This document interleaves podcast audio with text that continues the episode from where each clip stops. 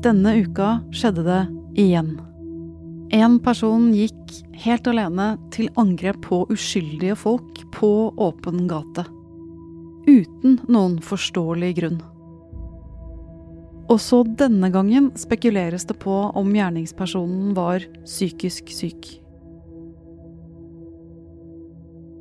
Hvorfor er det så vanskelig å behandle de med aller mest alvorlige psykiske lidelser? Du hører på Forklart fra Aftenposten. Jeg heter Marte Spurkland. I dag er det fredag 12. november.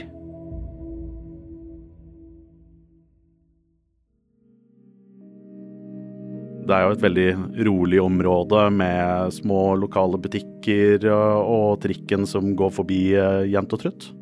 Harald Stolt-Nielsen er krimjournalist her i Aftenposten, og har selv bodd i nærheten av blomsterbutikken på Bislett, som på tirsdag havnet midt i dramatikken. Etter det som skjedde på tirsdag, så er det jo blitt lagt ut en god del blomster, lys og bilder av 33-åringen som ble skutt og drept. Mens ambulansen fortsatt var på stedet, og politibilen som ble brukt til å kjøre ned gjerningspersonen akkurat var blitt dekket til, snakket Harald med flere som ble vitne til det som skjedde den morgenen.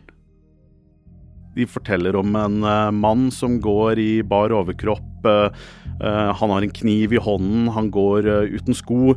og han fremstår veldig aggressiv mot flere personer på gata.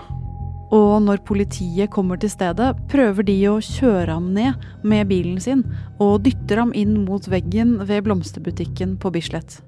Da angriper denne mannen politiet, og på videoer og vitnebeskrivelser fra stedet så blir det avfyrt flere skudd, og disse skuddene ender opp med å ta livet av denne 33 år gamle mannen. Og ganske raskt kom det frem at dette ikke var første gang han hadde truet folk med kniv.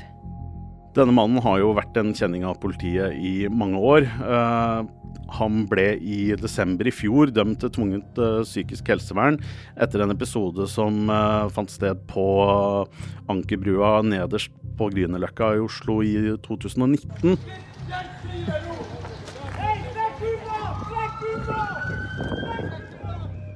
Da gikk han også løs i bar overkropp eh, uten sko med en kniv og knivstakk en eh, tilfeldig mann på gata. Til slutt så ble han da skutt med elektrosjokkvåpen av politiet og uskadeliggjort på den måten. Oi, oi, oi, oi, oi, oi.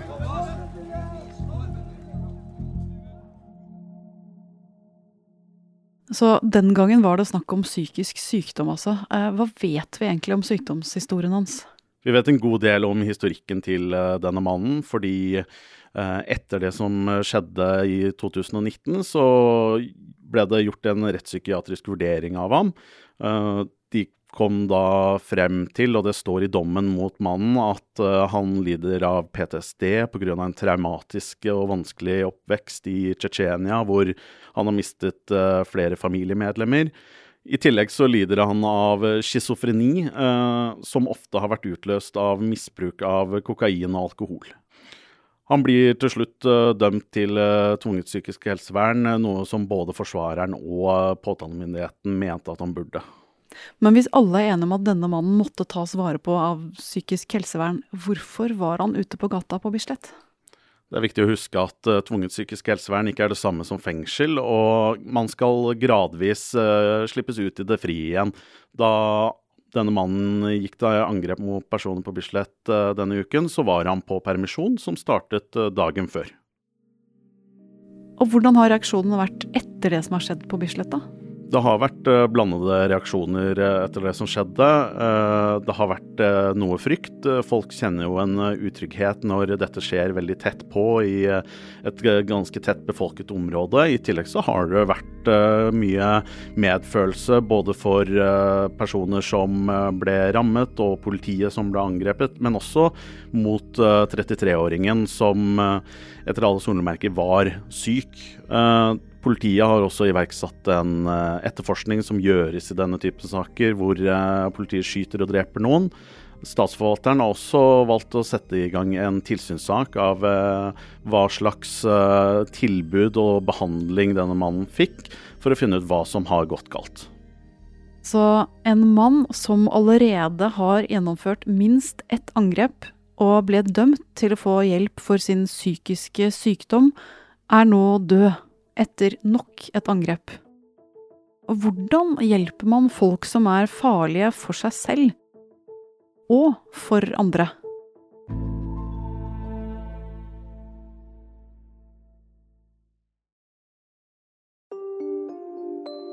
En person som er psykotisk, har vrangforestillinger, oppfatninger om virkeligheten som er annerledes enn det andre har. Man kan se ting og høre ting som andre ikke hører. Mange opplever seg forfulgt på et eller annet vis. Man kan oppleve at noen leser tankene ens, man kan oppleve å lese andres tanker. Man kan oppleve at man blir styrt av noen eller noe, krefter utenfor seg selv. Eh, og veldig mange er veldig redde Pia Løvgren er overlege og spesialist i psykiatri, og hun forsker på kvaliteten på rettspsykiatriske erklæringer. Og før vi snakker videre om psykose og behandling, er det én ting som er greit å få sagt. Det er viktig å understreke at de aller fleste pasienter med psykoselidelser er ikke farlige for noen. Eh, men så har man en liten gruppe eh, pasienter som har et en høyere voldsrisiko enn gjennomsnittsbefolkningen. Og det er jo den gruppa vi snakker om. Så vi snakker ikke om alle pasienter med psykoselidelse. Det er viktig å huske. I saken på Bislett vet vi altså heller ikke om det faktisk var psykotiske vrangforestillinger inne i bildet. Men vi vet at dette var tilfellet ved tidligere hendelser med den samme gjerningsmannen. Og når det er snakk om disse alvorlige psykoselidelsene, er det ikke alltid så lett å vite hva som er det riktige å gjøre.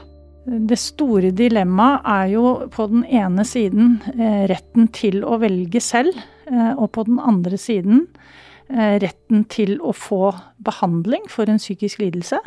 Og kanskje da også på den tredje siden retten til at samfunnet får trygghet for at en person som eventuelt er syk og da kan bli voldelig, ikke utføre voldshandlinger. Opp gjennom helsehistorien har det vært mange ulike syn på om pasienter kan tvinges til psykiatrisk behandling, og hvordan slik tvang skulle skje. I 2017 ble psykisk helsevernloven endret, slik at det ikke lenger var mulig å tvinge pasienter som ikke vil behandles, så lenge de vurderes som samtykkekompetente. Og samtykkekompetanse handler jo da om evnen til å kunne ta gode valg for seg sjøl.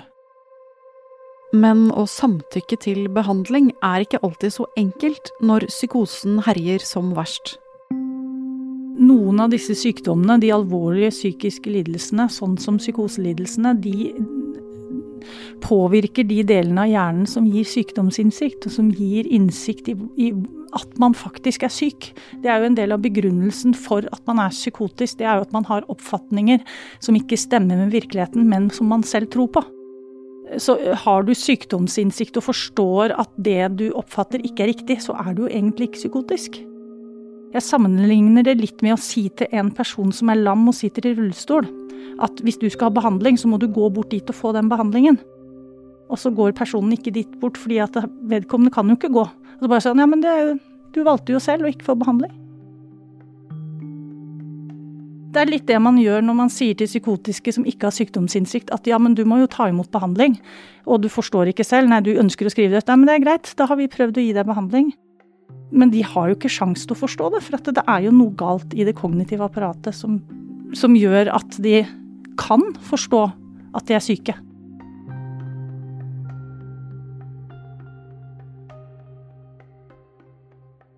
Og så er det en del ganger sånn at den personen som er i ferd med å bli syk, kan klare å ta seg sammen ganske mye og vet i hvilke situasjoner man ikke bør fortelle om de symptomene man har. Og da kan vi som er fagfolk lett bli uh, lurt, eller altså at det kan være vanskelig å oppdage disse symptomene uh, hvis pasienten ikke ønsker uh, å fortelle om det. For psykotiske pasienter som søkes inn til tvangsbehandling av en lege eller andre i helsevesenet, er det en hel liten gjeng av psykisk helsespesialister som vurderer om de faktisk skal tvinges. Men så er det jo de som dømmes til tvungen psykiatrisk behandling. Da er det domstolen som bestemmer at en person som har utført en alvorlig voldshandling under en psykotisk tilstand som har gjort vedkommende utilregnelig, i handlingsøyeblikket skal dømmes til overføring til tvungen psykisk helsevern. Det er kanskje en del som ser for seg pasienter som stroppes fast til senga når det er snakk om tvangspsykiatri. Men belter og remmer brukes så sjeldent som mulig, og bare hvis pasienten kan skade seg selv eller andre. Tvangen kan like gjerne være at pasienten må snakke med helsepersonell. At de må forholde seg til helsepersonell regelmessig, sånn at disse helsepersonellene kan f.eks. avsløre om de er i ferd med å utvikle den type psykosesymptomer som vi snakket om tidligere. Altså at man begynner å bli redd for at andre mennesker styrer en, og at, eh, at man da kan eh, begynne å få tanker om at man må forsvare seg, da, som kan utløse voldshandlinger. Eh, det kan handle om medisiner. Noe skjer på døgn, altså at man må være innlagt i en døgnavdeling. Eh, annet skjer i en poliklinikk, altså et sted hvor man kommer eh, en gang i uka eller to ganger i uka og snakker med noen. Eh, det kan skje ved at noen kommer hjem til deg, at du snakker med noen der. Etter at du skal oppsøke et eller annet senter et eller annet sted, men i hvert fall at man ikke bare skal gå um, uten at noen har overoppsyn med hvordan du har det. Det er det aller viktigste. Hvor mange år kan en slik tvangsbehandling vare? I prinsippet så kan den være livsvarig. I praksis så vil man tenke at når en person har vært på tvungen psykisk helsevern over noe tid, så vil de fleste få muligheten til å forsøke seg på frivillighet. Da vil man ofte, hvis det er en person som har vært veldig, veldig syk, og hvor det kanskje også har eh, vært sånn at man har utført eller at man har vært redd for at vedkommende skal utføre voldshandlinger i sykdomsfase, så vil man gjerne følge opp veldig tett også under frivillighet, og at hvis vedkommende da ikke vil snakke med folk frivillig, så vil man kanskje etablere et nytt tvungent psykisk helsevern. Men når det gjelder de som er dømt til behandling, så er det ikke leger eller psykologer eller andre helsepersonell som bestemmer når de skal ut av behandlingsopplegget. Det er det domstolen som bestemmer. I dommen mot mannen etter knivstikkingen på Ankerbrua i Oslo i 2019 står det at alle psykiatriske sakkyndige var enige om at han var psykotisk da han gikk til angrep den gangen. Det var blant annet derfor han ble dømt til tvungent psykisk helsevern. Og når domsteksten berører hensynet til samfunnets sikkerhet, står det at det vil være farlig dersom han fortsetter å ruse seg, selv om det bare skjer av og til. Og Pia, når en psykiatrisk pasient mister kontrollen og gjør noe helt ekstremt, hvor ofte er det rus inne i bildet? Vi vet at enkelte rusmidler forverrer psykoser. Det som kan være vanskelig noen ganger, er jo å skille mellom en eh, psykosesykdom eh, og effekten av rusmidlene. Fordi vi vet at rusmidler i seg selv kan utløse psykosesykdom hos de som er sårbare. Eh, en som har en psykosesykdom, kan få utløst psykosesymptomer av å bruke rusmidler. Men en som bruker rusmidler og ikke har noen psykoselidelse, kan også få psykosesymptomer av selve rusmiddelet i seg selv. Så her er vi oppe i veldig vanskelige grenseoppganger. Og når pasienter med denne type utfordringer er på permisjon, er noe av det behandlerne frykter mest, nettopp rus. Eh, det vil jo alltid være utfordrende. Nå er det en utfordring også i døgnavdelinger. Det er ikke alltid like lett å holde pasienter eh, eller holde rusmidler ute av døgnavdelinger. Men der vil man jo kunne ivareta vedkommende og kunne se hvis noe skjer. Utfordringen er jo hvis man er ute og faktisk blir mer syk og mer redd, og så er det ingen som kan ta vare på deg når du blir så redd. Og hvis du da blir så engstelig for at noen er i ferd med å skade deg, at du begynner å tenke at du må forsvare deg mot det. Det er da man kan eh, se eh, voldshandlinger eller trusselsituasjoner. Når er slike pasienter helt friske igjen, da? Er de helt klare til å være ute i samfunnet på egen hånd? Ehm, de aller fleste pasienter med psykoselidelser vil ha en kronisk tilstand i den forstand at man alltid vil ha en risiko for å kunne få tilbakefall. Så hva det er å være frisk i den forstand, er jo et, eh, et spørsmål i seg selv.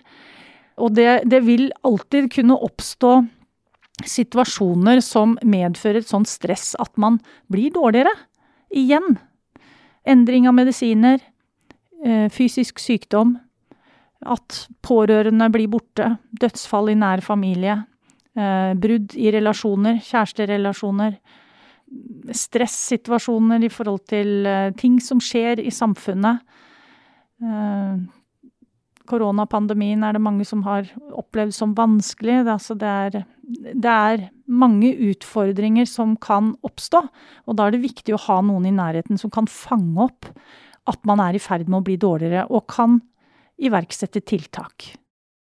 Og mens noen kanskje kan bli litt nervøse av hendelser som den på Bislett og i Kongsberg, og lurer på hvor mange potensielt farlige psykiatriske pasienter som fins der ute, mener Pia det er minst like viktig å tenke på hvordan det er for de som er syke. Vet du hva, det er, så, det er, så, grusomt for de som er psykotiske. Det er liksom når de forteller noen gang om hvordan de har det.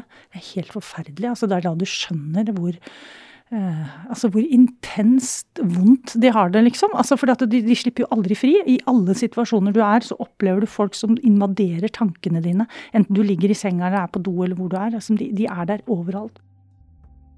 Jeg syns jo opplevelsen av det å være psykotisk er noe vi ikke alltid er så flinke til å snakke om, da. Vi snakker mye om liksom det sånn teoretisk sett sykdom, diagnose, behandling, men ikke så mye om opplevelsen en del har. Og det er jo litt fordi at man kanskje ikke vil bryte taushetsplikt og sånt, men jeg tenker jo at det er kanskje noe av det vi må jobbe litt med å formidle framover.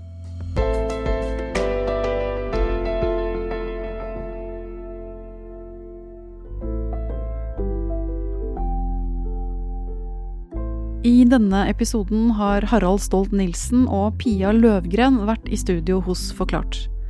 Du har hørt lyd fra aftenposten.no. Det er David Vekoni og jeg, Marte Spurkland, som har laget dagens sending. Resten av redaksjonen er Anne Lindholm, Fride Næss Nonstad, Synne Søhol, Thea Wold Lyster og Guri Leiel Skedsmo.